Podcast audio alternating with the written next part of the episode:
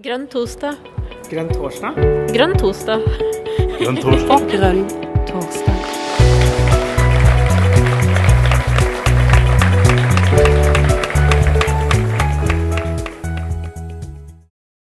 Ja, velkommen til Grønn torsdag. Og nok en gang så har vi fått en gjest som er en av våre fantastiske stortingskandidater. Og det er Benedicte Nes denne gangen. Velkommen til deg, Benedicte. Eh, Jonas, eh, du er jo fra Telemark. Fortell meg litt om dine forventninger til denne grønne torsdagen. Nei, det, Jeg er jo alltid full av forventninger før uh, grønn uh, torsdag. Først og fremst så gleder jeg meg til å bli bedre kjent med Benedicte, hva, hva hun er opptatt av. Eh, og så er det ikke noe tvil om at jeg gleder meg litt ekstra fordi det er mitt hjemfylke. Mm. Så dette tror jeg blir veldig bra. Det, det, tror jeg også. Så Benedicte, du kan kanskje få lov til å si litt om deg selv og temaet som du har valgt i dag?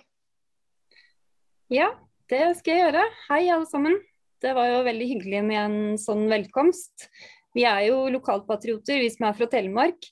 Og jeg har registrert at Grønn torsdag er infiltrert av flere telemarkinger. Jon er vel også fra Rjukan, mener jeg å vite. Ja. Så det er ikke verst. Det er et godt utgangspunkt. Jeg heter altså Benedicte Nes og bor på Dalen i Tokke kommune i Vest-Telemark. Og her prøver jeg å sjonglere mine forskjellige roller, hvor jeg nå er biblioteksjef i kommunen, varaordfører, trebarnsmor og da også førstekandidat til valget i høst. Så det, det er ikke noe kjedelig tilværelse, det er nok å finne på. Mm. Da kan jeg jo introdusere det jeg hadde tenkt å snakke om i dag. Jeg vet ikke om jeg allerede nå kanskje kan hente opp presentasjonen, sånn at de som det, det kan du godt gjøre, Benedicte. Gjøre, sånn at de som følger oss på skjerm, har litt å kikke på. Da har jeg prøvd meg på et spørsmål her som kanskje kan vekke litt ulike reaksjoner, har jeg egentlig håpet. Um, trenger vi en tillitsreform i klimaarbeidet? Det er vel å vente at en del kan reagere på dette her med mer vantro, uh, for omstillingen til lav- eller nullutslippssamfunnet går jo fortsatt altfor tregt. Det er stor variasjon mellom fylker og kommuner når det gjelder iver etter å bidra. Mange mener at vi trenger mer forpliktende mål, sterkere styring og rapportering, og ikke mindre. Og det er det på en måte lett å være enig i. Når jeg likevel har våget å formulere dette spørsmålet her, så bygger det på erfaringer som jeg har gjort meg som miljøpolitiker på bygda og særlig i arbeidet med å lage en felles klimaplan for de seks uh, distriktskommunene som utgjør Vest-Telemark. Vi får jo stadig vite at kommunene er viktige aktører i klimaarbeidet. Men hvordan fungerer egentlig mål og verktøy i dette arbeidet for ulike typer kommuner? Så jeg vil snakke om kommunenivået i det videre. Men så er det også sånn at vi kommer inn på det individuelle nivået. Undersøkelser viser at de fleste klimaskeptikere bor på bygda. Og her har jeg med en overskrift fra juli 2019 som alvorlig nok sier at bare halvparten av de på bygda tror at klimaendringer er menneskeskapt. Kan det være at befolkningen i distriktet ikke nødvendigvis er trege i oppfattelsen eller bare bakstreverske. Men at det også er mekanismer i klimadiskursen som forsterker forskjeller, er vanskelig å relatere til og gir kanskje grobunn for protest mer enn engasjement. Kanskje finner vi også en sammenheng opp mot framveksten av det såkalte distriktsopprøret og den veldige framgangen til Senterpartiet. Som en annen telemarking da har sagt, jeg spør helst, mitt kall er ikke å svare, det tror jeg er motto for presentasjonen her. Men jeg håper jo at noen av spørsmålene er interessante nok i seg selv, og at vi gjerne får en diskusjon til slutt. Da er det kanskje greit å ta et nærmere blikk på dette begrepet jeg har hengt meg på, tillitsreform. Det er brukt i programutkastet til MDG, både i kapitlet om helsevesenet og om akademia. Ellers brukes det gjerne bredt om offentlig sektor, fra fagforbundene og partiene på rød-grønn side. Ønsket er å redusere en detaljert og byråkratisk mål- og resultatstyring. Det er kommet som et oppgjør på New Public Management, der ressurser og oppmerksomhet har blitt flyttet til kontroll og resultatindikatorer, i stedet for til jobben en egentlig skal gjøre. Det som kan måles og telles, blir fort det eneste som teller. Og det kan overstyre faglig skjønn. Og fra helsesektoren så kjenner vi det her som stoppeklokkeomsorg. Det er jo ingen som vil fire på kvaliteten. Det må jo være krav og dokumentasjon. Men ønsket om en reform går på nivået og omfanget av kontrollsystemene. Med mer tillitsbasert ledelse så kan en gi rom for bedre lokal tilpasning mer faglig skjønn, medvirkning og da også motivasjon. For vi er mennesker og ikke maskiner. Så med en sånn kjapp klargjøring av dette begrepet i bunn, så tenkte jeg å ta dere med på en tur til Vest-Telemark. Nå viser jeg et kart over fylket vårt, og regionen jeg snakker om utgjør det rosa feltet. Som en kuriositet kan jeg jo nevne at på gamle kart så var dette feltet bare en hvit flekk. Og det ble regnet som altfor farlig å reise hit. Men nå tar vi sjansen. Og eh, jeg tenker at dette da kan være et slags case i klimaarbeid på bygda. Nå er det selvsagt stor variasjon også mellom distriktskommuner, så det forbeholdet må jeg ta. I 2019 var jeg også invitert til å snakke for det som vi kaller Vest-Telemark-tinget, om temaet klima og landbruk. Det var i de tider da IT-rapporten kom og skapte veldig mye diskusjon. Vi er altså seks kommuner i Vest-Telemark og har et utstrakt samarbeid gjennom Vest-Telemark-rådet, hvor ordførere og rådmenn møter. To ganger i året kalles det inn en større forsamling, og det er Vest-Telemark-tinget. Så jeg skulle altså forberede meg til en presentasjon, og foretok som del av det en sjekk av status for kommunale klimaplaner. Og det var sørgelige saker. Det som fantes var utdatert. Enkelte kommuner hadde sågar oppgitt at det å ha en klimaplan anså de som lite relevant. Og dette ble utgangspunktet for at jeg i møtet kunne foreslå en felles prosess med mål om å lage en lokalt forankret og ambisiøs klimaplan. Dette for å svare på tidas utfordringer, men også for å kunne få del i de mulighetene som ligger i grønn omstilling. Forslaget fikk tilslutning der og da, og vi startet jobben med å organisere oss. Korona skapte noe forsinkelse, men nå er vi godt på vei mot et første utkast. Og vi ønsker å lage en levende plan med bred medvirkning og god forankring. Veien er da viktig, ikke bare resultatet, fordi det handler om økt bevisstgjøring og økt kompetanse underveis. De seks kommunene som deltar, har noe ulike utfordringer, men ikke mer enn at det gir mening å gjøre dette i fellesskap. Vi er distriktskommuner, vi har rike naturressurser, vannkraft, skog, jordbruk, lite industri. Folketallet er nedadgående over tid. Og til sammen bor det i underkant av 14 000 personer i Vest-Telemark. Men om vi er små i folketall, så er vi jo veldig store på areal og natur. Og de som ser kartet nå på skjermen, vil jo oppdage at eh, gamle Vestfold fylke får plass bare i lomma på Vest-Telemark.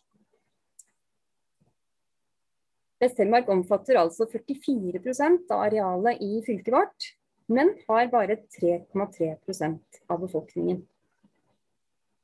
Så hva er det meningsfylt å jobbe med ut fra våre forutsetninger? Det var et spørsmål jeg også stilte på en klimakonferanse i Sandefjord i oktober i fjor. Hva er det viktigste som vi distriktskommuner med lavt folketall kan bidra med i klimaarbeidet? En underdirektør i Miljødirektoratet svarte meg etter litt nøling. Ja, dere får vel også lete med lys og lykte etter noe å kutte. Fylkeskommunen er på det samme sporet og har i sitt eh, innspill eller høringssvar til vårt planprogram sagt at vi også bør kutte på samme nivå som det Vestfold Telemark har vedtatt, 60% eller enda mer ambisiøst. Og når vi går i statens planretningslinje for klimaplaner, så gis det føringer om å sette ambisiøse mål for kutt av klimagassutslipp, og de sier at tiltak og virkemidler bør i størst mulig grad være koblet opp til oppnåelse av de målene som er satt av kommunen. Så hvordan skal vi i Vest-Telemark forholde oss til forventninger og plankrav, og samtidig lage en plan som vi mener er realistisk, som gir motivasjon, og som prioriterer de tiltakene som vi føler er viktige og riktige. Selvsagt så skal vi kutte utslipp og bevege oss mot et fossilfritt samfunn. Men vår ambisjon er at vi skal gjøre mer. Og for å prøve å illustrere det, så må jeg vise litt statistikk. Og nå kommer det en tabell som er fryktelig vanskelig å se. Uh, det er ikke så farlig, for jeg skal uh, prøve å forklare. Vi har altså en samlekolonne ute til høyre her. Og det viser at de to kategoriene veitrafikk og jordbruk utgjør til sammen 90% av våre utslipp. Industri, som da Vestfold og Telemark eh, har mye av, som ligger på 70% for fylket som en helhet, det er det så lite av i Vest-Telemark at det er under 1 Skal vi følge oppfordringen til fylkeskommunen om å sette et mål om 60% kutt eller mer, så må vi jo se en mulighet for å utforme tiltak og virkemidler som er koblet til denne måloppnåelsen. Så jeg tror jeg må gå litt nærmere inn i materien og starte med den største kategorien her, veitrafikk. Her ligger jo Vest-Telemarkingene veldig høyt. Totalt for Vestfold og Telemark utgjør veitrafikk 13% av utslippene. Men i Vest-Telemark hele 58 Dere som har sett uh, serien Rådebank fra Bø, kan vel fort uh, fatte mistanke om at det handler om kjørekulturen her. Men det er nok ikke noe fullgod, fullgod forklaring. Hvis vi ser på kommunene våre, så er det jo også store forskjeller. Fyrestølene de står for ett tonn utslipp av CO2 hver på vei. Mens innbyggerne i Vinje slipper ut fem ganger så mye. Da er det jo interessant å gå nærmere inn i klimagassregnskapet og se på de undertabellene som også er tilgjengelig via Miljødirektoratet. Bl.a. denne her, som heter 'Opphav til kjøring i kommunen'. Her ser vi at Vinje og nabokommunene skal stå for 97,5% av trafikken selv. Uten at det er oppgitt i note, så har jeg funnet ut at reiser som er generert mer enn 70 km borte fra Vinje, ikke framkommer i tabellen. For forklaringen på de store utslippene i Vinje heter jo selvsagt E134. Den heter også tungtransport og store hyttefelt på Rauland og på Haukeli. Det utslippsregnskapet som vi har tilgang til i dag, gir i grunnen ikke noen reell mulighet til å skille ut lokaltrafikk fra gjennomgangstrafikken. Klimaplanen vår skal jo selvsagt foreslå tiltak på kommunalt nivå for å redusere transportbehov og påskynde overgangen til nullutslipp. Men mangel på kollektivtilbud, ladeinfrastruktur og hydrogenstasjoner kan ikke vi klare å løse alene, med små budsjetter og lange strekninger. Her har jo MDG gode forslag om en bygdemiljøpakke og sterkere statlig tilskudd. Så vi får håpe da, at det kommer, kommer ordninger for å utjevne forskjellene mellom der det er kommersielt lønnsomt å bygge ut infrastruktur, og der det ennå ikke har vært det. Da går jeg over i den neste kategorien større utslipp, og det var jordbruk. Her ser dere at den eh, søylen hovedsakelig ut, uh, utgjøres av eh, faktor fordøyelsesprosesser hos husdyr og det vil si sau, geit og noen kyr i Vest-Telemark. Er det da et mål å redusere tallet på beitedyr? I så fall ser det ut som vi bare kan lene oss tilbake og la utviklingen gå sin gang. Det har vært en kraftig tilbakegang i antall bruk og areal i drift. Store områder står i fare for å gro igjen. Vi legger jo FNs bærekraftsmål til grunn i planen vår, og for våre kommuner betyr det at den må orientere seg mot flere viktige dimensjoner. Som en kall det stormakt på areal og beiteland, så ser vi det som viktig å bruke disse ressursene for å oppfylle mål om å øke selvforsyningsgraden. Vi vet jo at redusert produksjon i Norge er med på å øke presset på jordbruksareal globalt, der det ekspanderer inn i regnskog og andre viktige naturområder.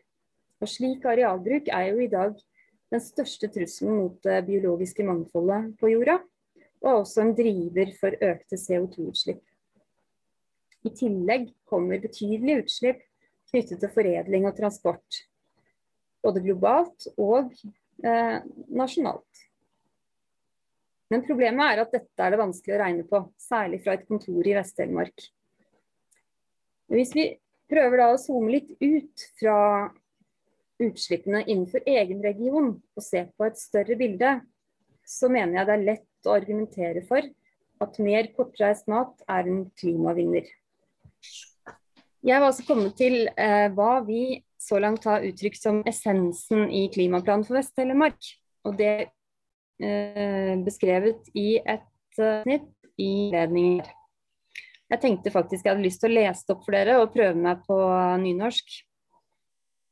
Overskriften 'Vest-Telemark på lag med naturen'. Med utgangspunkt i ressursene våre, ressursene våre er det naturlig at klimaplanen til Vest-Telemark legger vekt på bærekraftig arealforvaltning, å ta vare på naturen og verdiskaping på lokale ressurser i lokale krinsløp. Så som utviklinga av et bærekraftig landbruk. I ei vær som står overfor alvorlige utfordringer knyttet til matsikkerhet grunnet global utarming av matjord, mer ekstremvær og ei økende værsbefolkning må Vest-Telemark med sine naturgjevne arealressurser bidra med å produsere mat på de ressursene som finnes i landskapet vårt. Produkt fra et bærekraftig norsk skogbruk kan bl.a. erstatte olje, kål og betong, og såleis være et effektivt klimaverktøy. Og når naturressursene globalt sett er under press, må vi, som alle andre samfunn, søke å finne gode og lokale løsninger for en mer sirkulær og energieffektiv ressursflyt. I tillegg til dette vil klimaplanen ta for seg litt om transport, offentlige innkjøp og enøk. Ja, så nå er jo vi her oppe i Vest-Telemark kjent for å være litt sta og gjøre ting på vår egen måte. Men hvordan vil disse målene stå seg når andre skal inn og vurdere ambisjonene og satsingene våre? Vil planen få strykkarakter hvis den ikke også inneholder et såkalt hårete mål for kutt i direkte utslipp? Kommer våre satsinger til å nå opp når vi skal ut og søke støtte til klimatiltak? Det kan jo iblant føles som om klimaarbeidet i Norge er et slags NM i hårete mål der fokus er kutt av direkte utslipp innenfor egen geografisk enhet. Her har jeg tatt med noe som heter klimakart.no, som er lansert uh, denne uken. Her viser det kommuner og regioner og deres eh, ulike mål om å kutte. Og de som har ambisiøse mål om å kutte mer enn 60% de er farget grønne og fine. Og mer problematisk er det jo kanskje at virkemiddelapparatet også synes innrettet mot denne samme logikken.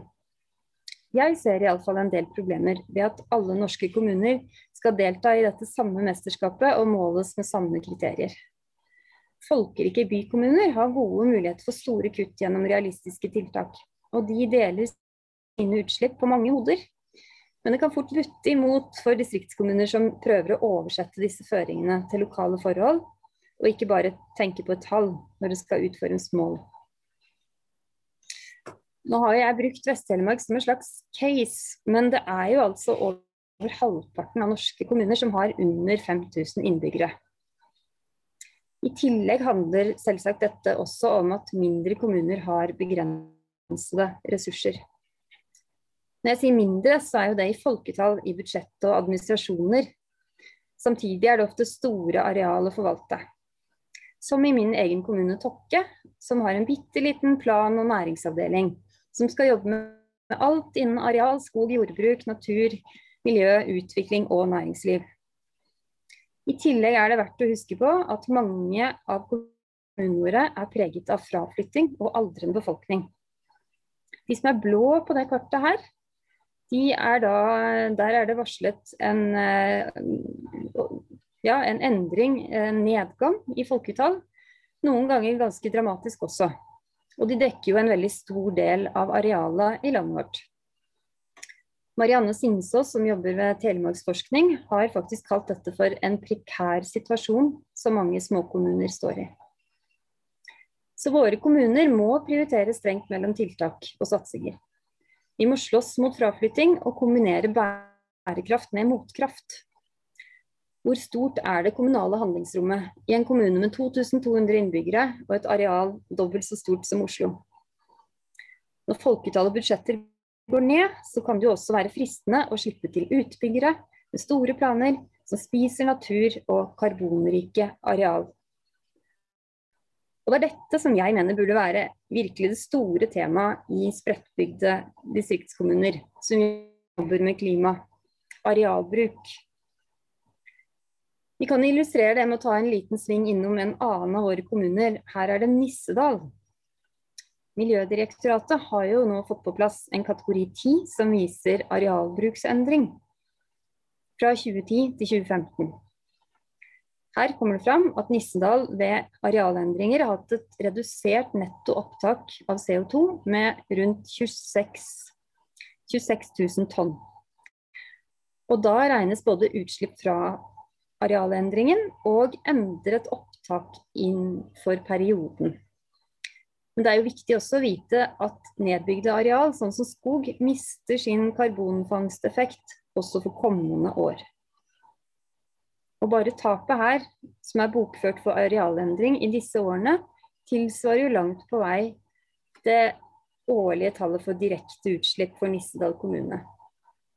Nå er Nissedal også i gang med en ny reguleringsplan for hundrevis av nye hytter i skogs- og fjellterreng, Uh, og da kan de jo satse stort på å elektrifisere anleggsvirksomheten og skåre noen poeng i kuttmesterskapet, men det vil jo da dessverre bare utgjøre en brøkdel av utslippet fra disse planlagte arealendringene.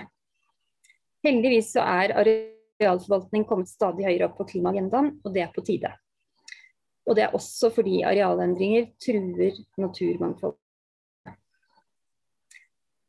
På en annen side ved dette er at et smalt utslippsfokus også kan gjøre skade. Og dette er noe vi i MDG heldigvis har godt tak på. Vi står jo både i en natur- og klimakrise, og vi vet at dette må håndteres som én sammensatt krise, ikke hver for seg. Og det kan få skumle følger hvis vi ikke klarer å se det. Jeg har bare lyst til å ta med en liten erfaring jeg hadde på en workshop i regi av Miljødirektoratet, der vi fra kommunene ble satt til å regne på effekten av ulike tiltak ved hjelp av verktøy i utslippsregnskapet. Oppgaven vi fikk var i din kommune blir 100 dekar skog gjødslet. Hvor mye øker du CO2-opptaket? Og Så var det inn i et skjema å finne riktig svar. Helt uten forbehold om at uh, dette er et veldig omdiskutert tiltak, um, og må brukes med stor forsiktighet.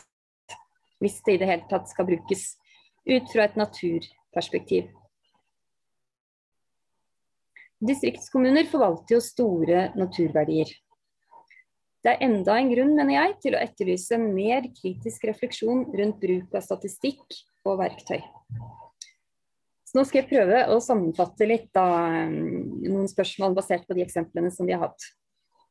Og det kan være noe sånt som dette. Risikerer vi at et utslippsfokusert og kalkulatorstyrt klimaarbeid på kommunenivå fører til feil prioriteringer?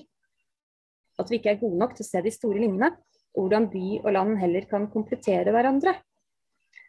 Vi må jo forutsette en stadig forbedring av metoder og verktøy, men så har vi dårlig tid må vi gå hele veien om å innføre et standardisert og detaljert rapporteringsregime som skal være likt alle steder? Eller kan vi dra lærdom av konsekvensen konsekvensene i andre sektorer, denne stoppeklokkeomsorgen, og kanskje unngå å komme dit at vi skaper et kontrollregime som båndlegger de få fagpersonene vi har i mindre kommuner, som jo også skal sørge for at ting faktisk skjer. Kanskje er det viktigere å satse på økte ressurser, kompetanseheving og lokal tilpasning. Jeg må også Ja, her kom uh, Ibsen. Jeg må også innom en um, annen stor sekk med CO2 og miljøpåvirkning, som gjør det viktig med en bevissthet rundt hva vi måler, og hva vi eventuelt risikerer å tilsløre med ambisiøse mål om nullutslipp. Det er de indirekte utslippene. Her er det en rapport som Asplan Viak laget på oppdrag fra Framtiden i våre hender, som ble lansert i januar 2021. Den viser at det er et betydelig skjult klimaavtrykk fra våre varer og tjenester som vi importerer fra andre land, og fra reisene vi gjør utenfor Norges grenser. Disse skjulte utslippene utgjør jo nesten halvparten av klimafotavtrykket vårt.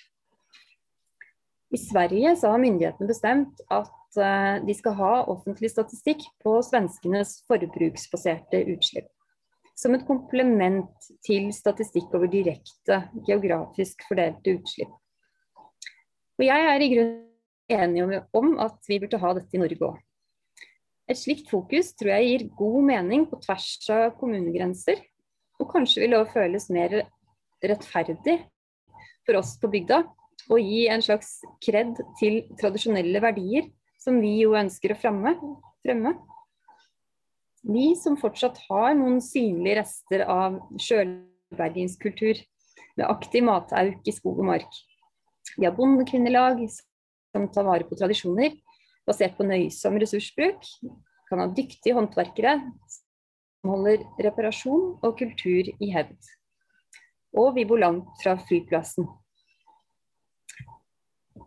Så kan i grunnen forstå, og jeg kjenner litt på det selv også, at iblant er provoserende når storbyene stadig utropes til vinnere i klimamesterskapet. Og jeg tror at det òg kan være med på å fyre opp under det såkalte distriktsopprøret. Og her glir vi over i individnivået, som jeg jo varslet at jeg også ville si litt om. Hva gjør det med folk i Distrikts-Norge når eh, faktisk.no kjekt og greit slår fast, uten skygge av tvil, at det er jo faktisk mest klimavennlig å bo i byen. Dette gjør de jo da basert på utslippsstatistikken til Miljødirektoratet. Hva gjør det med motivasjonen til å bidra i klimadugnaden når sauebonden med en snittinntekt på 136 000 per årsverk føler seg utropt som en av verstingene, i stedet for å få en slags anerkjennelse som en av de som bidrar til bærekraftig matproduksjon. Kan det være at noen av de sentrale målene og virkemidlene er med på å skape en fremmedgjøring og bidra, bidra til unødvendig høye terskler? Da må vi heller ikke glemme at bakteppet mange steder er en situasjon med fraflytting, sentralisering og nedlegging av stadig flere tilbud og tjenester. Jeg mener jo for øvrig da, at utarmingen av Distrikts-Norge er et klimaproblem, og bør anerkjennes som det. Distriktsutvikling er ikke et uh, solidaritetsprosjekt. Det handler om å kunne bruke ressursene våre i hele landet på en bærekraftig måte, og få selvforsyningen opp på et nivå som avlaster arealbruk og transportsystemer globalt og nasjonalt. I utkastet til klimaplan for Vest-Telemark står det følgende Småskala generelt er et nøkkelord om vi skal få nytte av de norske arealressursene som ligger spredt i små lapper i store deler av landet vårt. Vi er ikke bare avhengige av biologisk mangfold i møte med framtidas utfordringer. Vi trenger også et mangfold av gårder, et mangfold av landskap i drift, et mangfold av mennesker som produserer mat basert på lokale ressurser. Og dette kjenner jeg ligger nært opp til de fine formuleringene som vi har i MDG sitt prinsipprogram. Livskraftig lokalsamfunn, i hovedsak basert på lokale ressurser, er en forutsetning for å nå målet. Så her er jo i grunnen mangfold stikkordet. Og skal vi dyrke mangfold, tenker jeg, må vi også vise tillit. Vi må anerkjenne verdien av det som ikke kan telles. Og her var jo filosofen Sigmund Kvaløy Setreng klar, med sitt skille mellom det som er komplisert og det som er komplekst. Han beskrev hvordan teknisk avanserte samfunn gikk mot det stadig mer kompliserte, mens det komplekse er det vi finner i naturmangfoldet. Og i menneskelige samfunn, da, som lever nær på og med naturen. I et komplisert samfunn vil mennesket lett føle seg fremmedgjort og styre mot økologisk ubalanse, sier Sætre. Det komplekse derimot innebærer en erkjennelse av at ting er sammenvevd i naturen og i menneskers samspill med den og med hverandre. Det komplekse kan ikke plukkes ned i enkeltkomponenter eller puttes inn i regneark. Vi kan forstå naturen et stykke på vei, men aldri til bunns. Og det henger sammen med det prosesspregete. Naturen står aldri i ro. Og det fantastiske i mennesket, som også gir et slags vilt håp i en ganske dyster tid, er jo evnen vår også til å være i prosess. Til å håndtere utfordringer og gripe muligheter etter hvert som de oppstår. Og nå tenker jeg nå trenger vi å mobilisere disse iboende evnene som vi alle har. Og da kan det jo hende at vi skal bli bedre på det som jeg da vil kalle et tillitsbasert samfunn, eller en tillitsbasert klimaledelse. I arbeidet med klimaplanen i Vest-Telemark så har iallfall jeg opplevd at mange er blitt både begeistret og engasjert. Etter å ha presentert uh, grunntankene for kommunestyret, kom en kollega bort og sa dette forstår jeg jo. Og det mange gjør, og det mange vil, det blir det resultater av.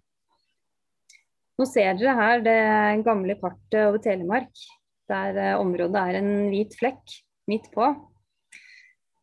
Uh, og det jeg håper, da, er at vi både gjennom klimaarbeidet i Vest-Telemark og gjennom den valgkampen som kommer, skal bidra til å farge dette her eh, grønt. Så eh, jeg får bare takke for eh, at dere ville høre på så langt. Og så kan jeg gi ordet videre til de som styrer. Takk. Tusen, tusen takk for det, Benedicte, og for en uh, veldig, veldig uh, fin uh, presentasjon. jeg har i hvert fall sittet her og kost meg med gode historier og et veldig godt perspektiv. Og da, nå er det sånn da, folkens, at uh, det er mulig å tegne seg ved å bruke den raise hand-funksjonen. Um, og, og, så vil vi gi dere ordet litt sånn løpende, enten det er kommentarer eller spørsmål. Så, og, og, og, bruker du raise hand, så er det sånn at vi ser eksakt hvilken rekkefølge det rekker på den i. Så det er, det er bare å, å, bruke den, så, så får du ordet i rett tid. Og jeg ser at uh, Hanne har rukket opp hånden, så Hanne, vær så god, du har ordet. Takk for det. Jeg lurte på det her med at um, jeg får inntrykk av at uh, de på bygda skal slippe det tunge ansvaret da, med å kutte like mye som de i byen. Og så skal man også delvis uh, heller legge ansvaret mer på forbrukeren med det her med forbruksbasert regnskap. Og da lurte jeg på, vil ikke det her ligne veldig på det som vi i MDG kritiserer ellers i Norge, da, at uh, folk sier å det spiller ingen rolle hva Norge gjør, det er så små ut, utslipp her. Se på Kina, se på alle andre. Altså, uh, for, ja, for det er jo transport og jordbruk du sa var, kanskje hadde verst utslipp i Vest-Telemark. Er det da helt umulig å prøve å gjøre noe med det? Vi ser i, i Røros kommune også, har jordbruk da har økt det er vel eneste sektoren da, som har økt utslippene, og det var pga. at det var flere dyr, rett og slett. da. Um, og så lurte jeg litt på om, uh, om det stemmer at uh, å øke beitinga, utmarksbeite, da, vil faktisk um, styrke matsikkerheten eller selvbergingsgraden. For det, det finner ikke jeg noen kilder på, så jeg lurer på om det kanskje er en myte, eller om du har noen bra kilder på det. Takk. Ja, Benedicte, du kan selvsagt få til å svare med en gang hvis du vil. Ja, det var to eh, gode spørsmål det her. Eh, jeg skjønner den første innvendingen.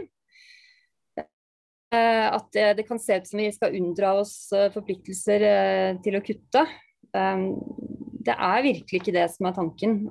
Når det gjelder det forbruksbaserte, så er vi jo selvfølgelig da likestilt med alle andre innbyggere i Norge. Og som den rapporten jeg viste til, den trekker fram at to tredjedeler av eh, utslippene er knyttet til forbruk. Så der kan vi i hvert fall bidra. Og det har vi også tenkt å adressere i eh, klimaplanen.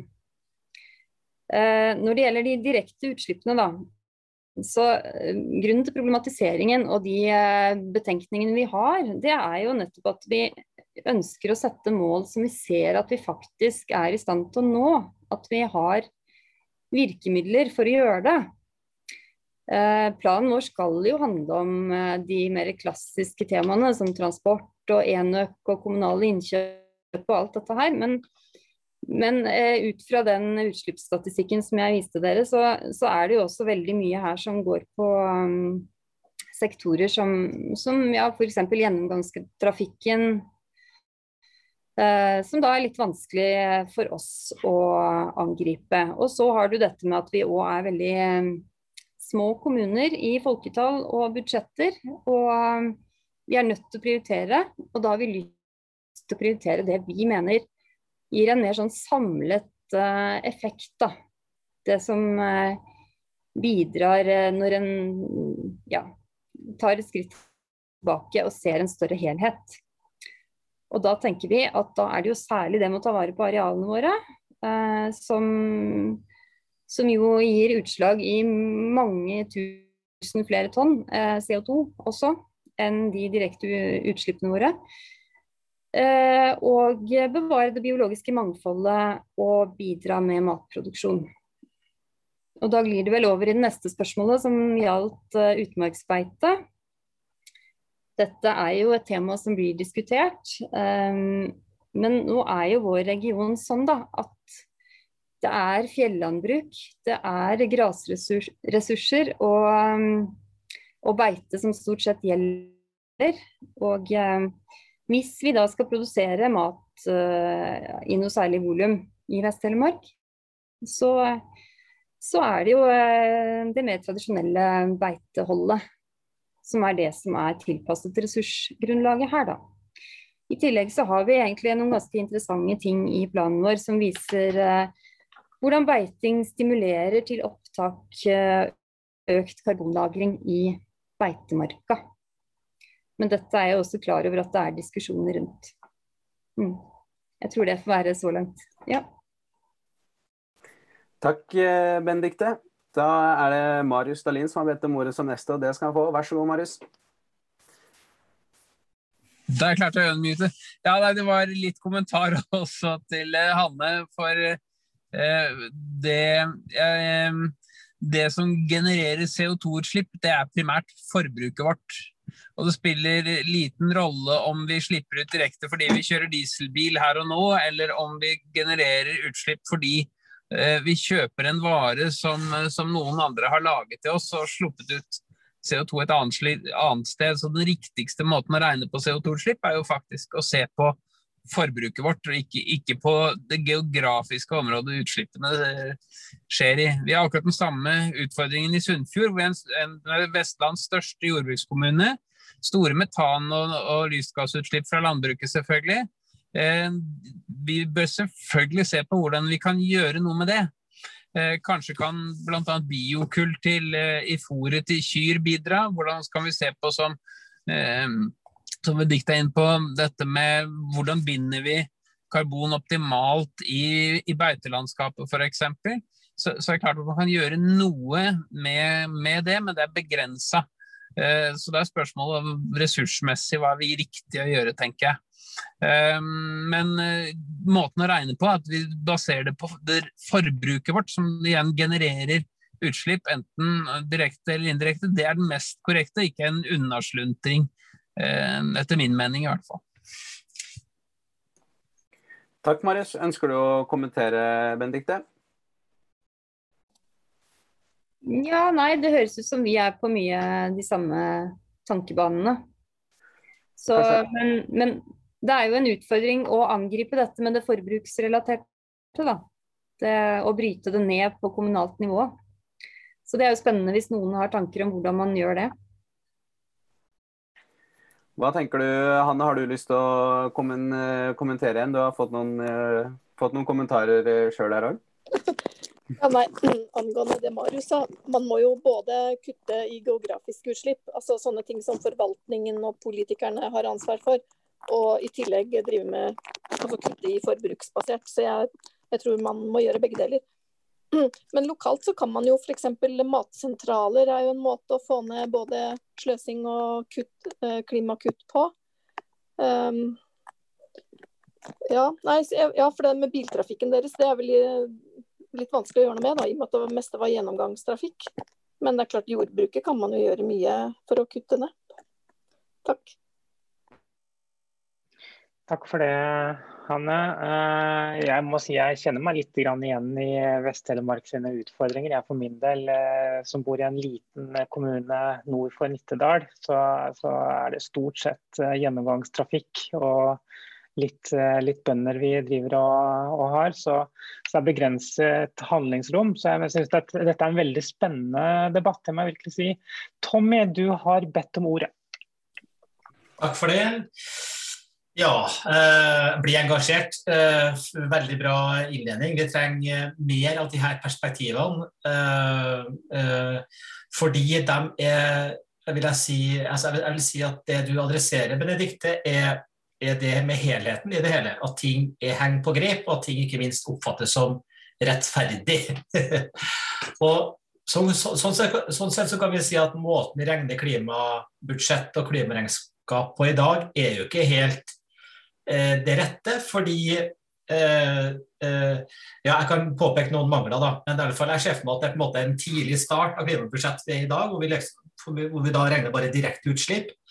Men det har en rekke svakheter som slår faktisk negativt ut, ut i, i, forhold til hva skal vi si, et distriktsperspektiv. Når f.eks. Oslo da har satt seg målsetting om å bli nullutslipp, og vi regner bare direkte utslipp i Oslo, så er det sånn at hvis en eh, Oslo-beboer tar flyet til London hver helg på shopping, eh, så regnes ikke det som en del av Oslo sitt klimagassutslipp. Eh, eller hvis en fra Trondheim da drar til hytta på Trysil, så regnes ikke det som Trondheim sitt utslipp. Eller hvis jeg som forbruker på Stjørdal kjøper eh, mat produsert på Frosta, så regnes ikke det som en del av Stjørdal sitt utslipp, men det regnes da som en del av Frosta sitt utslipp. Eh, så det burde vært mer forbruksbasert, og det burde vært sånn at eh, CO2-utslippene følger forbrukeren, altså følger innbyggeren. Det ville vært mer rettferdig, tror jeg, også ut ifra hva folk flest tenker. At det henger da, det følger på en måte det, det følger forbrukeren. Så det ene er på en måte i forhold til by og land. altså det er jo sånn at Hvis du tar en jeg vet ikke å ta Oslo som eksempel, men ta Trondheim. da. Hvis du tar en mur rundt, rundt Trondheim, uh, i alle fall indre by, så er det jo ikke noe mat der. og det er ikke noe strøm der. Det er jo bare bygg uh, og folk. Så ressursene kommer fra Distrikts-Norge. Eh, og måten vi regner karbon på i dag, altså utslipp, da, så er det jo sånn at det er jo da produsentene og utkantene som må ta, ta, det på sin kappe, mens de store forbrukerne av mat bor jo i byen. Ja, det her ble veldig grovt forenkla. Men vi skulle ha vært det partiet som tar til orde for et klimabudsjett versjon 2.0 eller 3.0, eller hva det blir. da. Hvor vi da regner for det første at det blir rettferdig med tanke på de utslippene vi har i Norge. Eh, det med indirekte utslipp fra utlandet i forhold til det som f.eks. Eh, Marius er inne på, da, det er jo en, eh, en større bøyg fordi eh, Parisavtalen som konstruksjon regner, regner kun på direkte utslipp. Så vi burde, jo, vi burde jo kjempe for at Parisavtalen, også når den kommer i en ny versjon en gang i framtida, eh, at man faktisk regner indirekte utslipp, at det blir en del av hva skal vi si, måten Parisavtalen og landene, medlemslandene skal rapportere på. Men i dag så er ikke indirekte utslipp en del av Parisavtalen. Eh, Men hvis, hvis, vi ser for oss Norge, så kunne vi i alle fall ha utforma et rettferdig klimabudsjett som gjør at vi ser sammenhengen. For det, det er vel det du er inne på, tro, Birgitte? Ja, Benedikte. Det er behov for en klimaplan 2.0? Ja, jeg tror det. Jeg tror at det hadde vært lettere iallfall å få det til å virke engasjerende og, som Tommy snakker om, rettferdig eh, overfor uh, kommuner med veldig ulik størrelse og sammensetning av befolkning. Som jeg nevnte så vidt, så er jo da Sverige i gang med å bruke et forbruksbasert utslippsregnskap. Så det er jo mulig. Og det er jo blitt laget innenfor ja, både nå dette nasjonalt, som Framtiden i våre hender la fram, som vel er litt sånn overordnet men også fylker som har fått foretatt den type eh, utslippsregnskap, da, forbruksbasert. Så jeg syns det hadde vært veldig spennende å gå den veien. Jeg Tror det har mye for seg. Mm. Takk, eh, Benedikte. Rina har hatt hånda oppe lenge nå, og ordet det skal du få. Vær så god. Ja, du beklager at dere ikke ser meg, for du skjønner, det virker ikke. De bildet, det bildet Jeg får ikke det til. Men det var nå så. Du hører meg? Vi hører deg hører meg. Ok. Nei, men du, nå, er, nå, sa Tommy mye av det. For jeg, jeg, har jo holdt på en del. Jeg er arkitekt, og i Husbanken var jeg med stedsutviklingen, og også var i Telemark og mye rundt omkring. Uh, overnattet i Nissedal og litt av hvert. Men uh, jeg vil jo si akkurat det samme, at det ble jo tilbakevist da man sa liksom at det er mest klimavennlig å bo i by. For da, det var kanskje fremtiden våre hender som fikk til, at når de begynte å regne på at bor du i en liten leilighet i byen og kjører til hytta hver helg og flyr til eh, andre sånne hovedsteder i helgene. Så, det, så, jeg er veldig tilhenger av det siste som ble sagt her. Eh, at jeg skulle ønske MDB, nettopp vi MDG kunne få frem dette som viser virkeligheten. Eh, for det er jo det Norge sliter med, at, at vi ikke behøver å vise den oljen for eksempel, som brennes i andre land og sier vi er veldig gode på det. Så det hele blir jo så lite troverdig for folk, og det gjør jo at folk syns det er vanskelig å engasjere seg også. Og jeg tror også det forsterker veldig mye dette konflikten by og land. Så jeg, jeg, jeg, er veldig fornøyd med hele denne presentasjonen. Hvor fint du gikk frem og liksom tok det på en måte fra virkeligheten. Eh, det gledet meg skikkelig. Eh, og jeg kan også si, Det var i en avis jeg, jeg, driver og klipper ut av disse avisene hele tiden. Men det var jo nettopp nå en kar, jeg tror det kan, kanskje var Klassekampen, bare for noen dager siden, som var inne på dette med et regnskap. Et klimaregnskap. Altså et regnskap så sier vi alltid noe er pluss og noe er minus. Eh, og da kunne du si her oppe at ja ja, vi skal kutte. Det er det ene av regnskapet. Men så er det også hva er det vi tilfører? Og det er jo alt dette her med at skogen lagrer og beitemark kanskje lagrer hele den lagringen av CO2. Så ja, altså jeg tror det er virkelig en jobb å gjøre. Men jeg tror noe av det er inni programmet for MDG nå. Jeg husker vi i Asker har i hvert fall tror jeg har spilt inn noe av det vi har snakket om. At det må bli sånn forbrukerbasert og alt dette her. OK, takk. Takk skal du ha, Rina. Ønsker du ordet, Benedicte? Nei, du kan slippe til andre, tror jeg. Det var ja. fint. Mm, takk. Eh, Viken Miljøpartiet De Grønne har tegna seg, og kan det stemme at det er Birgitte som gjemmer seg bak eh, Viken yes. Miljøparti De Grønne? Det ser virkelig sånn ut, Jonas, som det er Birgitte. Så det betyr at Birgitte skal få ordet nå, hvis hun eh, er klar. Og det tror jeg hun er. Hun smiler i hvert fall. Så vær så god, Birgitte. Å, tusen takk, og tusen takk, Benedicte. Det er jo det er bare så, det er så deilig å høre på deg. Jeg, blir litt sånn, jeg får litt ro i sjela. Jeg tenker å, enda flere sånne grønne politikere som eh, ser ting fra distriktsperspektiv. Det er akkurat det vi trenger. Uh, og der, uh, jeg tenker veldig mye sånn selv, uh, og jeg blir jo helt jeg blir jo fortvilt når noen sier at det er best å bo, mest å bo i by. for Hvis noen tvinger meg til å bo i by, da er det nesten sånn at da vil jeg nesten heller dø, tror jeg. Jeg orker ikke tanken på å bo i by. jeg er nok en distriktssjel. og så er det, det er et sånn Altså, som, som, Tommy sa, det er ikke noe mat i byen. Altså, uten bonden dør byen. Eh, bønder de produserer maten vår, det er vi helt avhengig av. Vi er dyr. Eh, kloden er bebodd av dyr, og dyr trenger mat uansett hva slags dyr det er. Og den maten den er organisk, det er ikke asfalt og betong. og vil Si at det er i distriktene den finnes. Jeg skulle også ønske at vi i MDG klarte å på en måte skjønne at CO2 og CO2 er ikke det samme. Fordi den CO2-en som er på jordens overflate, som består av planter og busker og trær og insekter og alt som fugler og andre dyr spiser, og skiter ut igjen og gjødsler jorda med, og så gror det opp igjen, det er liksom en sånn evig CO2-sirkulasjon.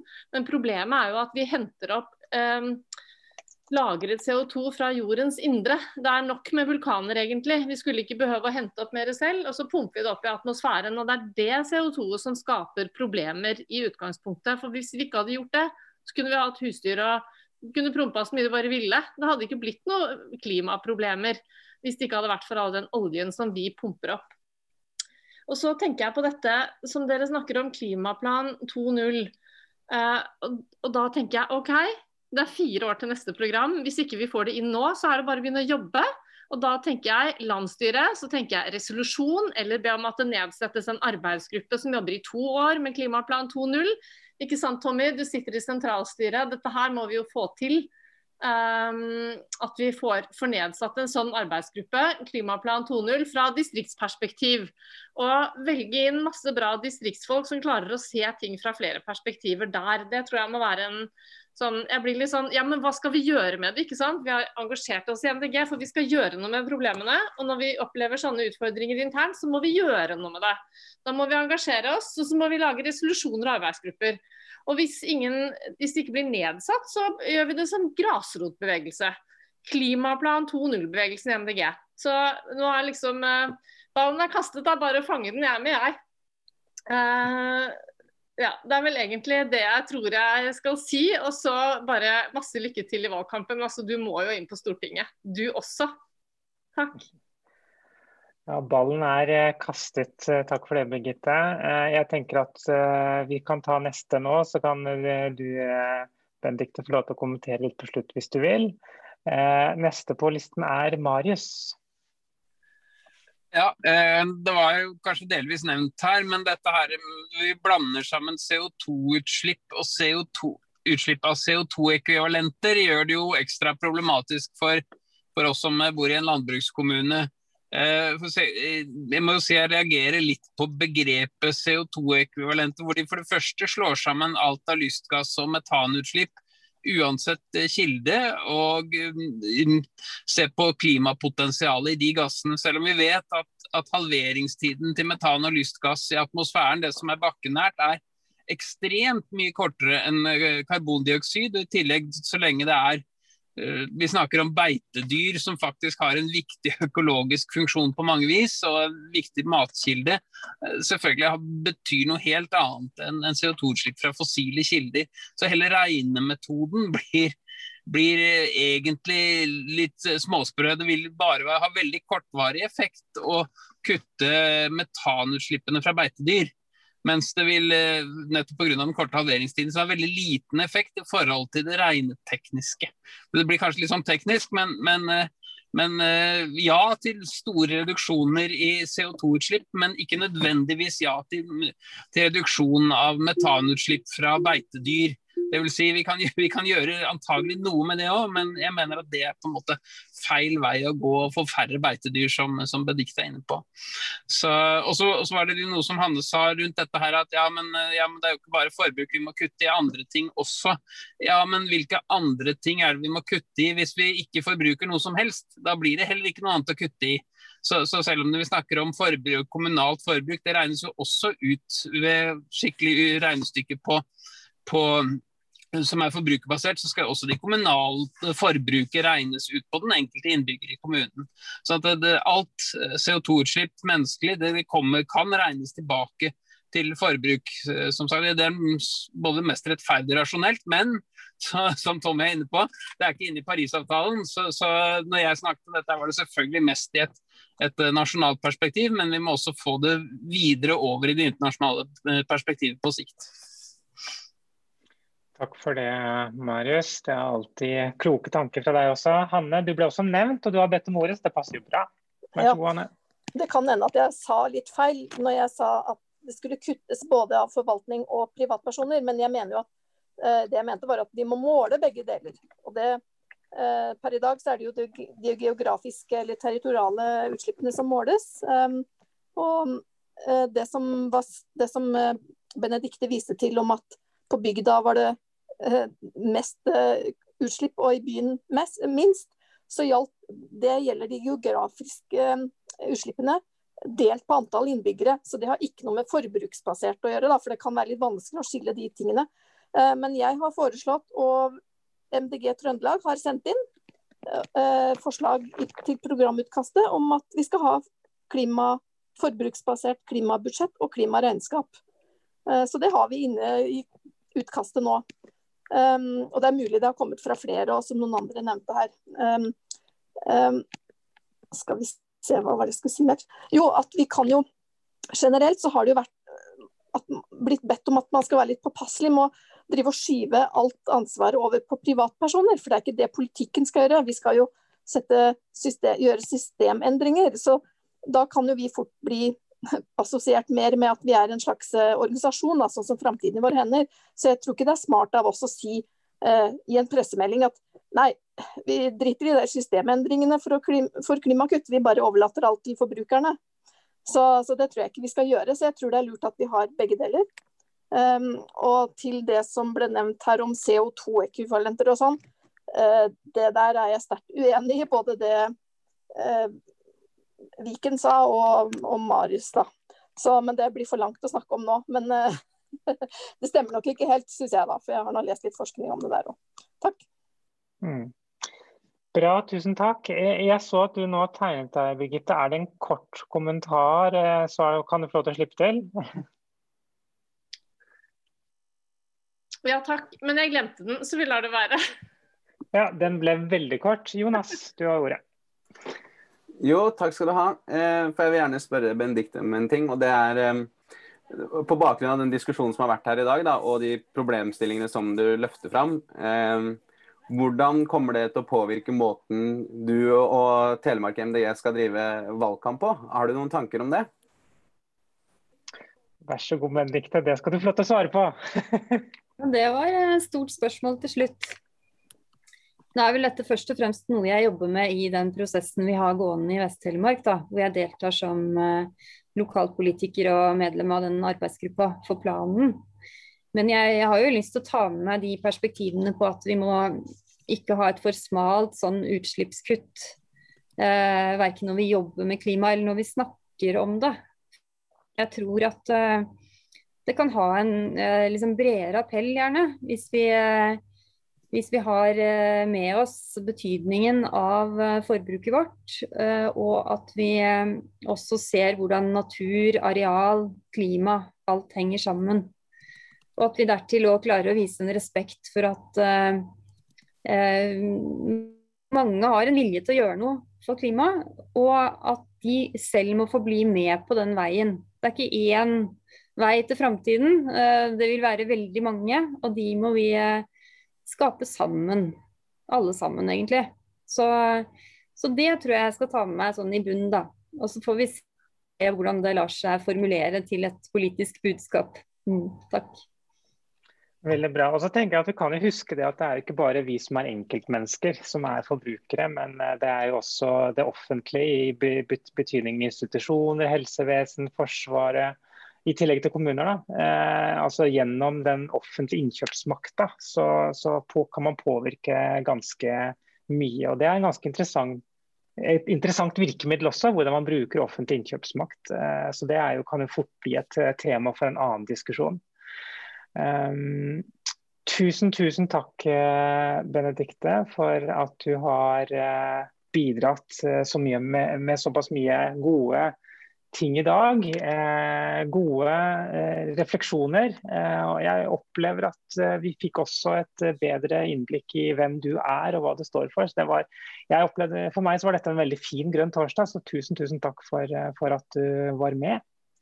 Eh, Jonas, har du noen, noen, kommentarer før vi avrunder? Ikke annet enn tusen takk til Benedicte og til alle som møter opp. Det setter vi veldig stor pris på. Og så blir vi også veldig glad når det er som i dag, at det er mange som er aktive og stiller spørsmål og bidrar med med sin innfallsvinkel. Og det er jo veldig mye klokt som blir sagt, så det må dere aldri slutte med. Kjære Grønn torsdag-gjester, vær så snill. det var egentlig det jeg hadde lyst til å si. Ja, det var vakkert. Veldig, veldig vakkert. Eh, det blir Grønn torsdag neste torsdag også.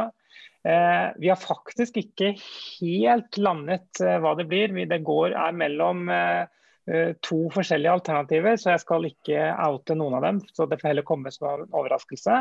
Men at det blir et bra tema, det kan jeg love. Eh, og så fortsetter vi jo selvsagt eh, med å invitere våre førstekandidater i tiden fremover. Eh, og det vil komme noen saker også før landsmøtet som er veldig rettet mot landsmøtet. Vi jobber bl.a.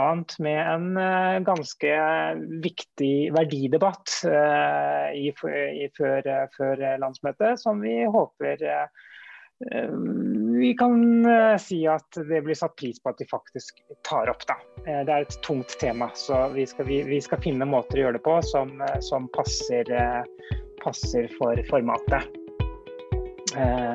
Så bra, tusen takk. Nok en gang nok takk til deg, Benedicte. Takk til alle dere andre. Da er det bare å Ja, man kan komme med forslag til tema, Veslemøy. Du skrev i chatten, og det er bare å sende til oss. Det er til å sende til e-post at grontorstad.no. Så tusen takk. Da får dere, får dere ha en nydelig kveld videre, så ses vi